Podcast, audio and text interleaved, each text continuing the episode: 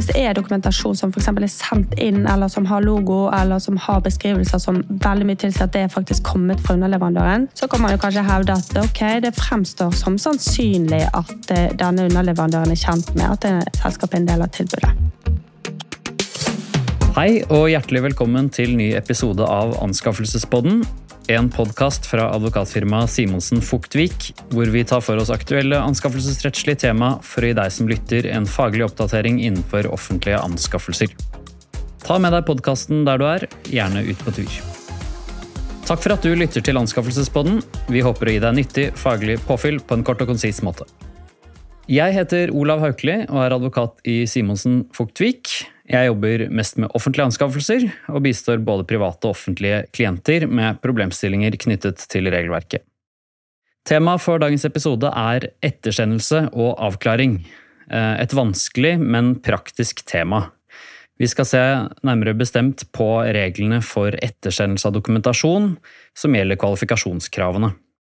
Tidligere så har jeg fått lov til å være gjest flere ganger i Anskaffelsespodden, men i dag er det min kollega Nina Sørensen som skal bidra med sin faglige kunnskap om anskaffelsesjussen. Velkommen, Nina.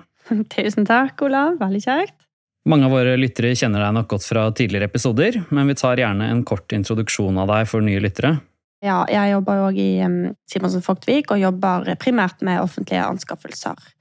Dagens tema er ettersendelse av dokumentasjon etter fristen for kvalifikasjonssøknad.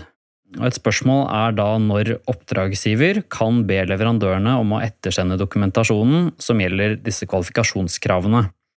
Og da skal vi særlig konsentrere oss om ettersendelse av forpliktelseserklæring. Eh, først så kan vi jo si litt sånn generelt om denne suppleringsadgangen. Eh, anskaffelsesforskriften åpner jo for ettersendelser og avklaringer. Eh, og da er det to vilkår da, som må være oppfylt. For det første så må det være feil eller uklarheter eller noe som mangler blant de dokumentene som sendes inn, eller opplysningene som står der. Og for det andre så kan ikke denne ettersendingen medføre at tilbudet forbedres. Og da er det jo særlig det siste vilkåret som er vanskelig. Hva betyr det at tilbudet ikke forbedres? Eh, hvis alternativet er avvisning, så er det jo nærliggende å tenke at enhver ettersendelse eller avklaring er en forbedring av tilbudet, men slik er det altså ikke, Eh, og her har det etter hvert blitt mye praksis rundt hva som ligger i det vilkåret. Eh, men Nina, kan ikke du begynne med å si noe om formålet bak bestemmelsen? Hvorfor kan ikke oppdragsgiver bare overlate til leverandørene og sørge for at de leverer alt de skal i første runde? Ja, eh, Formålet med den ettersendelses- eller suppleringsadgangen det er jo nettopp å, å unngå at en leverandør blir avvist eh, uten at det er nødvendig å avvise. Sant? At man har en viss mulighet for å si, rette opp i mangelfulle søknader. Og eh, i praksis så står oppdragsgiver overfor noen vanskelige grensedragninger her, som du har eh, nevnt innledningsvis, eh, Olav, mellom ok, hva er da lovlig å be om, hva er lovlig ettersendingssupplering på den ene siden, og hva utgjør en ulovlig forbedring av kvalifikasjonssøknaden på den andre siden. Som en sånn overordnet, så Av hensyn til konkurransen i den enkelte anskaffelsen, så for å få si, flest mulig eh, konkurrenter eh, og best mulig konkurranse om den enkelte kontrakten, og også av hensyn til de leverandørene som bruker mye tid, eh, som vi vet, mye tid og ressurser som går med på utarbeidelse av kvalifikasjonssøknader og tilbudsprosess generelt. Så da er det sånn sett uheldig å avvise en leverandør som ellers har alt på plass og kan være en god leverandør for, for oppdragsgiveren. Eh, vi har jo fått spørsmål inn til Anskaffelsesbåten om vi kan se nærmere på akkurat eh, dette spørsmålet om ettersendelse, og vi opplever jo at det er praktisk Altså det oppstår stadig vekk da, at oppdragsgiver er i den situasjonen. ok, Her er det noe som mangler. Hva gjør vi? Kan vi be leverandøren om ettersende? Og Det er jo veldig uheldig hvis oppdragsgivere vegrer seg for å bruke denne her suppleringsadgangen som man tross alt har fått, i frykt for å, å trå feil og havne i ansvar. Eh, og et nøkkelord her er vel kanskje da dette med hva som er en unødvendig avvisning. Da. At det er et tilfelle mm. hvor man egentlig eh, ikke har noe behov for å avvise, kanskje ikke ønsker å avvise, men hvor det er rett og slett en, eh, en sånn enkel feil, kanskje noe man vil kalle som en formalfeil, som man bare vil rette opp i for at konkurransen skal gå den gangen den egentlig skulle. Ja, det er, jo, eh, det er jo ofte også at oppdragsgiveren ønsker å ha med den leverandøren. Sant? Det kan være en leverandør som er kjent, eller det virker interessant, eller eh, det er, det er, i hvert fall grunner for å ha, ha den med videre, men så er det dette såkalte formalfeilen da, som henger ved, og så ønsker oppdragsgiver veldig gjerne å løse det, og så kommer man rett inn i denne grensedragningen. da.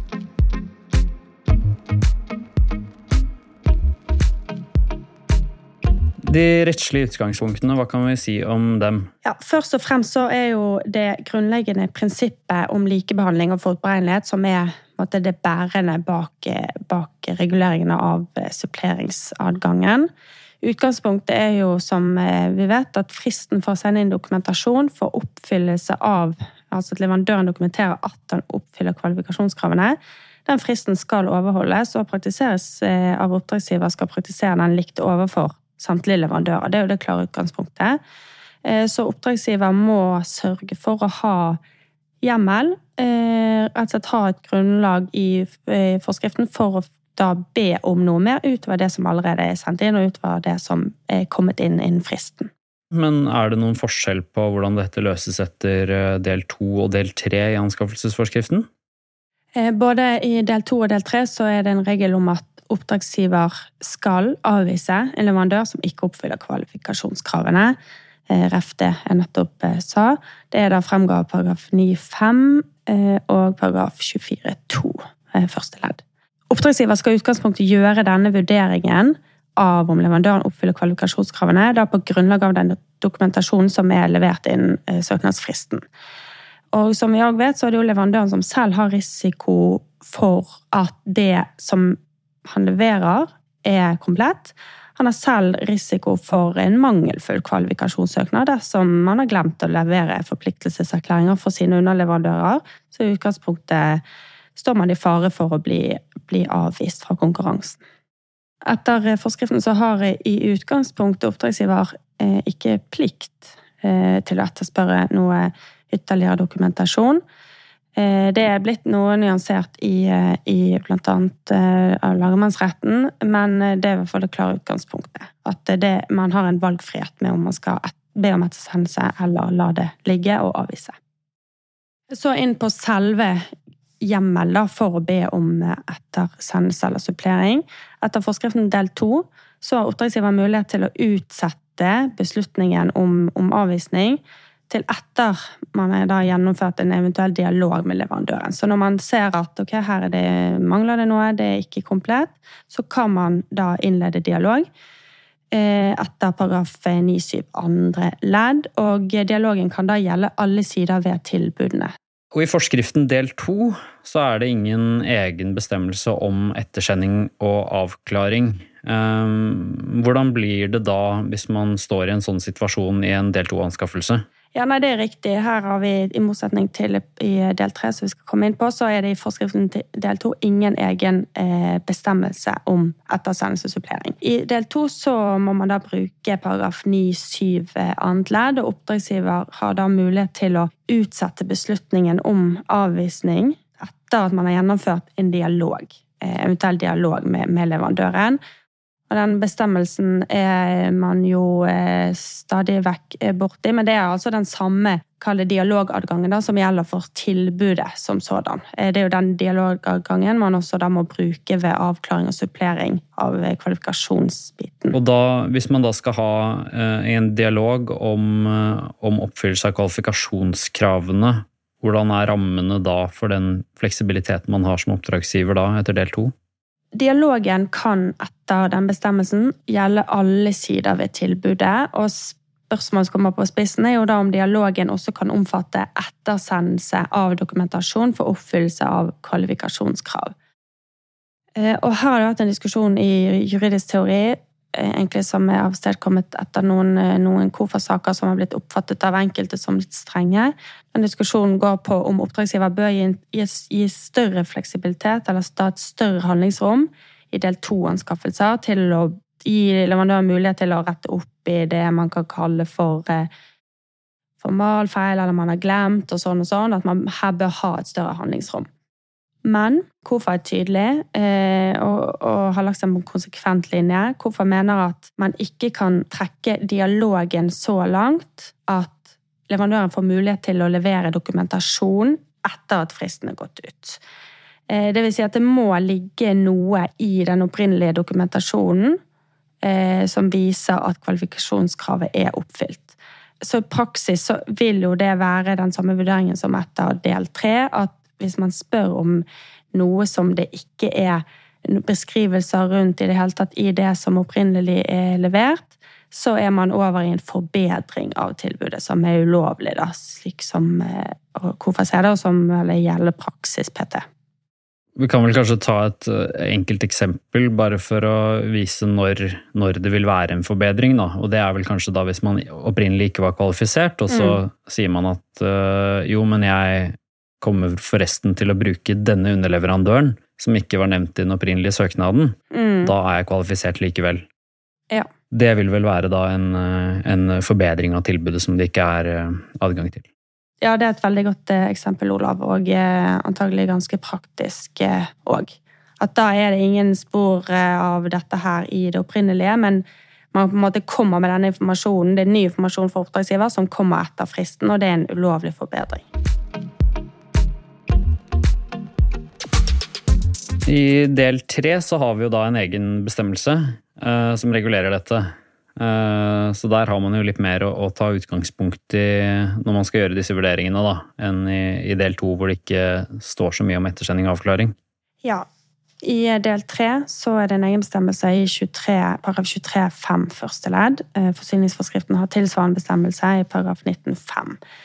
Og her er det slik at leverandøren kan eh, få mulighet til å ettersende, supplere, avklare eller utfylle mottatte opplysninger og dokumentasjon innen en kort tilleggsfrist som oppdragsgiver setter, i den situasjonen hvor det, hvor det mangler eller det er noe som er uklart i det som er levert. Her kan vi jo bare for ordens påpeke ordlyden at det står ikke at oppdragsgiver kan be leverandøren om å ettersende opplysninger og dokumentasjon litt sånn eh, åpent og, og, ubegrenset, men det er knyttet opp til den, de mottatte opplysningene og den mottatte dokumentasjonen.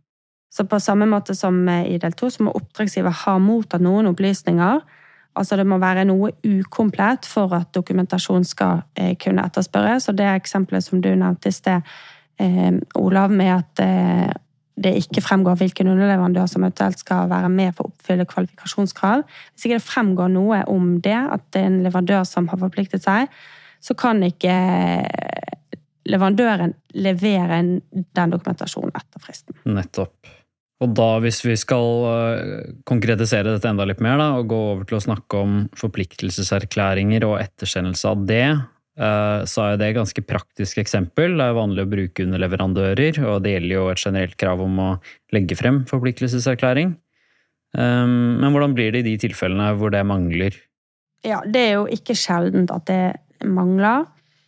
Eh, for det er mye, mye, som skal koordineres, og mye som skal håndteres i det eh, tilbudet skal leveres inn. Og, ofte ser man da at eh, her mangler det faktisk en forpliktelseserklæring fra en leverandør. Fra en underleverandør.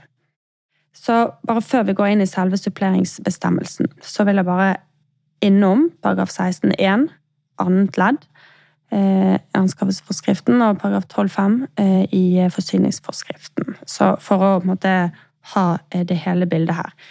Og disse bestemmelsene angir at når leverandøren knytter til seg underleverandører for å kunne oppfylle kvalifikasjonskrav som er stilt, så skal leverandøren dokumentere at han råder over de nødvendige ressursene til underleverandøren.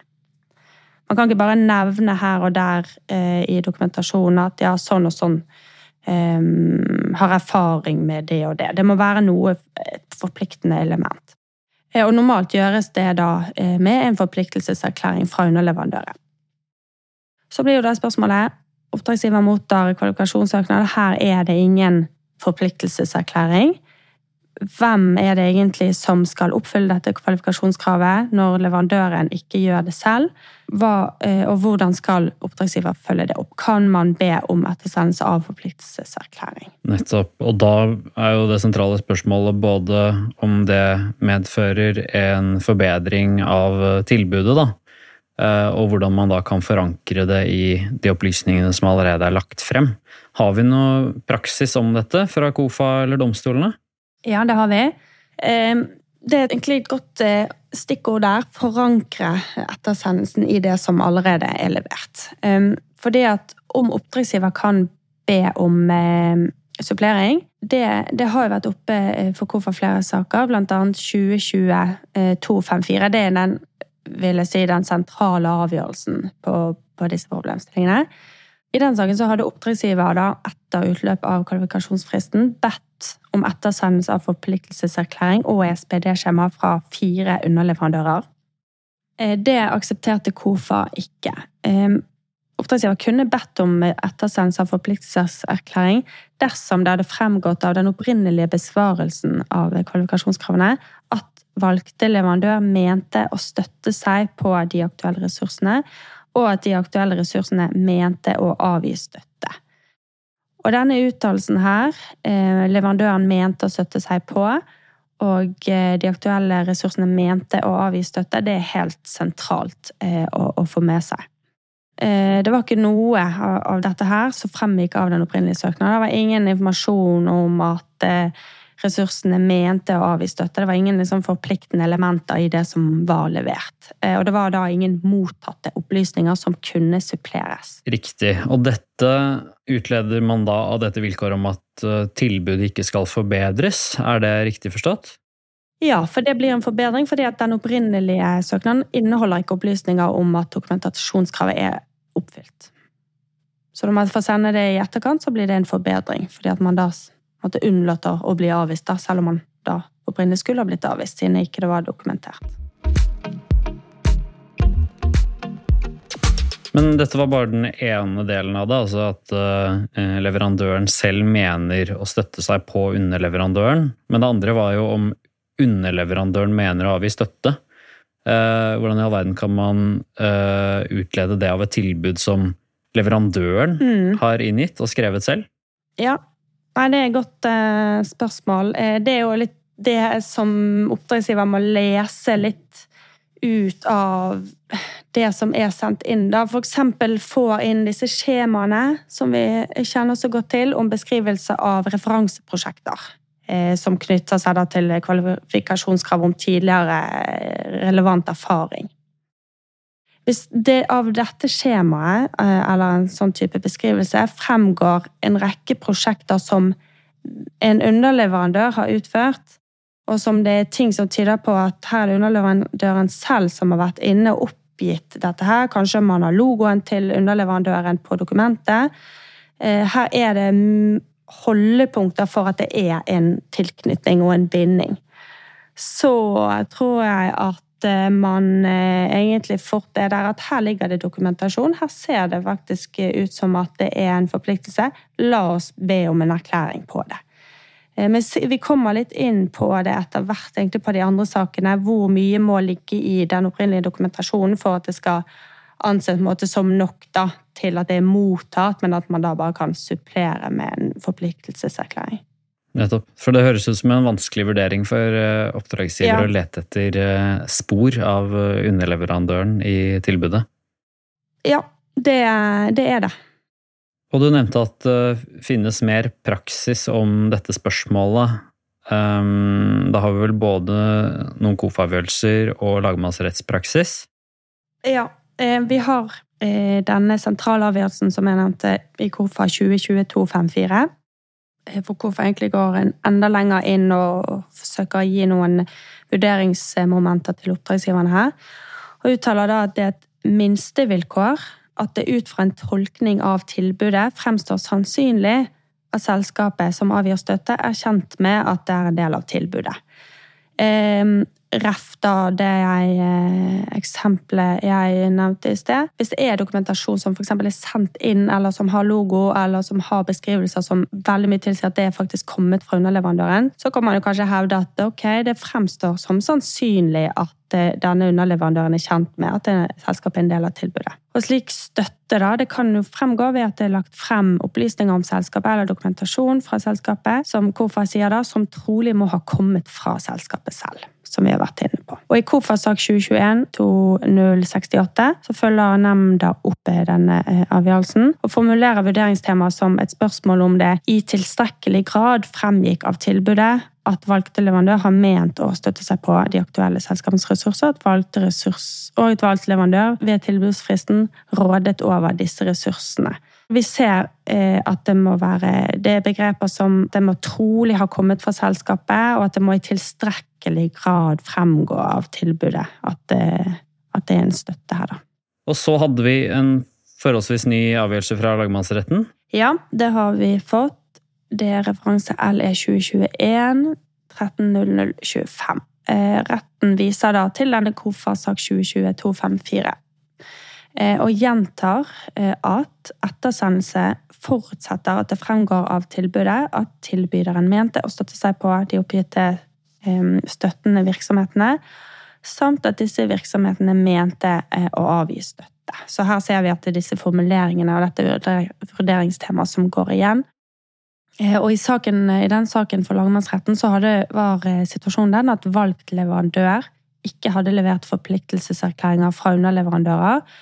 Eh, og så var det i SPD-skjemaet så var det krysset av for at selskapet ikke støttet seg på andre for å oppfylle kvalifikasjonskrav. Samtidig så hadde valgt leverandør da angitt flere underleverandører i en egen liste.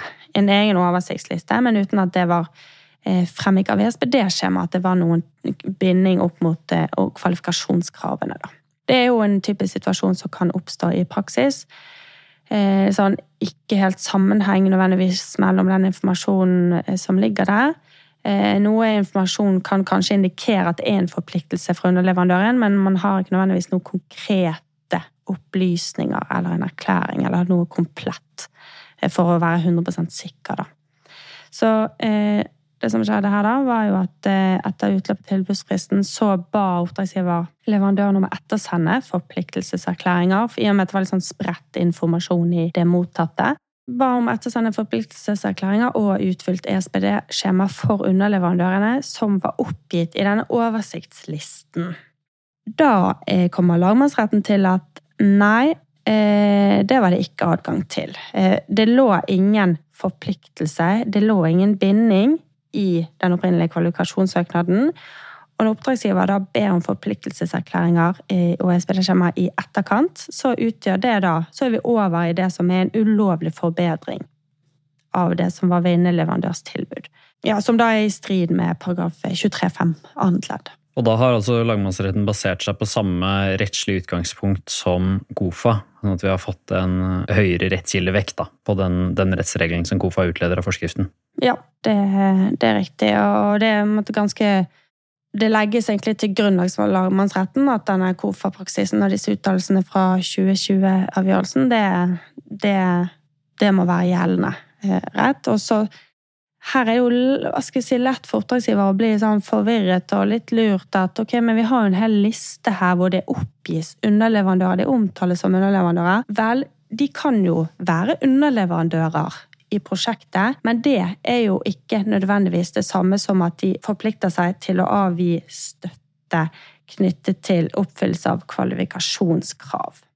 Nettopp. Og det er vel en ganske viktig sånn generell presisering som jeg tror mange overser i offentlige anskaffelser. At det er forskjell på de underleverandørene som man tenker bare å benytte til utførelsen av kontraktsarbeidene, og de underleverandørene som man er avhengig av for å oppfylle kvalifikasjonskravene. Og det vi har snakket om i dag, er jo bare de siste underleverandørene, da, så de man ikke ville oppfylt kvalifikasjonskravene uten. Ja.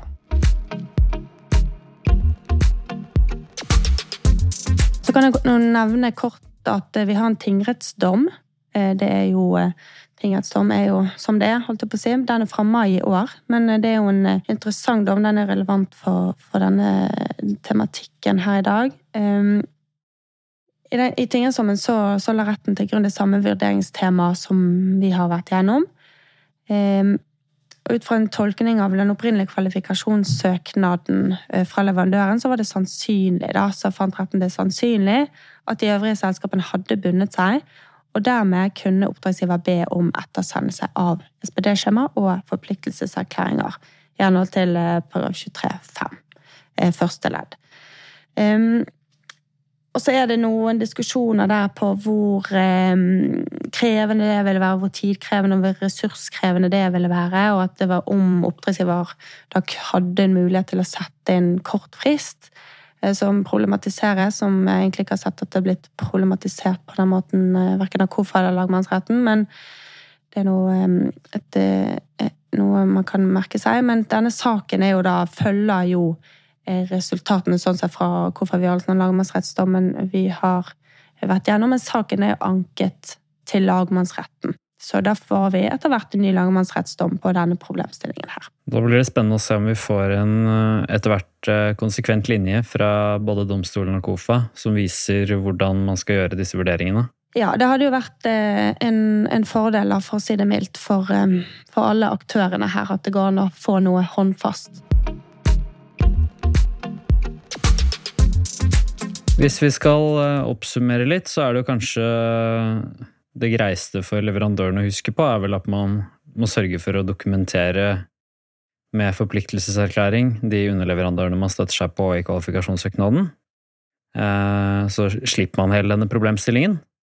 Eh, men for oppdragsgivere som havner i, i denne problemstillingen, hvor man ser at det mangler dokumentasjon, hvordan er det man da skal vurdere det, Nina? Ja, Oppsummeringsvis så er det jo da sånn at oppdragsgiver eh, må gjøre en vurdering, sette seg ned, gjøre en grundig gjennomgang av kvalifikasjonssøknaden, av det som er mottatt innen fristen. Og spørsmålet oppdragsgiver da må stille seg, er som følger um, Mente leverandøren Er det noe holdepunkter for at eh, tilstrekkelig holdepunkter for at leverandøren mente å støtte seg på de aktuelle underleverandørene. Og tilsvarende er det holdepunkter for at underleverandørene har ment å avgi støtte til oppfyllelse av kvalifikasjonskrav. Eh, og det er jo en vanskelig grensedragning for oppdragsgiver, helt klart. Det blir litt sånn eh, nærmest skjønnsmessig hvordan vektlegger man ulike eh, deler av ulike opplysninger sant, i det som er kommet inn. Men det vi, vi, nok kan utlede av den praksisen vi har vært gjennom, er at det trenger nok ikke å være klinkende klart, eh, men det er altså sant, for dette er jo et minstevilkår at ut fra en tolkning av tilbudet fremstår sannsynlig at eh, underleverandøren er kjent med at det er en del av tilbudet. Så det er egentlig bare en Eller bare og bare, da, men, men, det som er uttalt i, i KOFA og i, i lagmannsretten, er jo at det må fremstå sannsynlig. Eh, og gjør det det, at det er en tilknytning her, en forpliktelse, så vil ikke det medføre en ulovlig eh, forbedring å be om forpliktelseserklæring. Fordi at forpliktelsen allerede ligger i eller fremgår av den opprinnelige kvalifikasjonssøknaden. Da nærmer vi oss slutten på dagens episode, Nina. Eh, sånn Eh, avslutningsvis, eh, det tryggeste for oppdragsgiver er jo ofte kanskje å la være å be om eh, ettersendelse. Ja. Men hvis man skulle ønske å gjøre det, da, hva, hva, er det man må være oppmerksom på? Ja, Det tryggeste er å avvise, men det er nok ikke alltid at det gagner eh, konkurransen, eller sånn, mer sånn samfunnsøkonomisk perspektiv, da, de ressursene faktisk, som faktisk legges ned i disse prosessene. Hvis man har adgang til å be om supplering, og det da kun er en, et dokumentasjon, en et forpliktelseserklæring som mangler, så, så, bør man gjerne gå den veien. Eh, men selvfølgelig det vil jo være konkrete vurderinger i hver enkelt sak. Og det er jo ikke rart at eh, Det er jo ikke noe å undres over at dette oppfattes som vanskelig for oppdragsgiverne. Det er vanskelig. Det er jo også en høy risiko å be om supplering uten at det er adgang til det. Altså, hvis oppdragsgiver sin vurdering er feil, at domstolen eller hvorfor skulle komme til at nei, det var ikke, du hadde ikke adgang til å supplere. Dette, det du har gjort nå, det har medført en ulovlig forbedring av tilbudet. Så det er jo en risiko der, og ehm, ja. Ja, For alternativet da er avvisning. Og når vi snakker om avvisning, så har man jo også et potensial om uh, erstatningskrav for positiv kontraktsinteresse. Ja, det er riktig, og eh, det viser at måte, risikoen er høy hvis uh, dette er feil. Så oppdragsgiver er nødt til å gjøre en grundig vurdering av om um, man har en mulighet her til å be om ettersendelse eller ikke. Så å dokumentere det og nedtegne det og være aktsom da i de vurderingene man gjør. Da runder vi av og takker for oss. Eh, Nina, tusen takk for ditt bidrag i denne episoden. Mm, takk, Olav. Faglig. Og tusen takk til våre lyttere, som vi håper har fått nyttig faglig påfyll om ettersendelse i offentlige anskaffelser. Husk å følge Anskaffelsespodden enten på Spotify eller Apple Podcasts for å få med deg de siste episodene. Har du spørsmål til Anskaffelsespodden eller temaforslag, send oss gjerne en e-post til podkast at svv.no. Kjære lytter, jeg ønsker deg hjertelig velkommen til neste podkastepisode. Ha det bra! Ha det bra.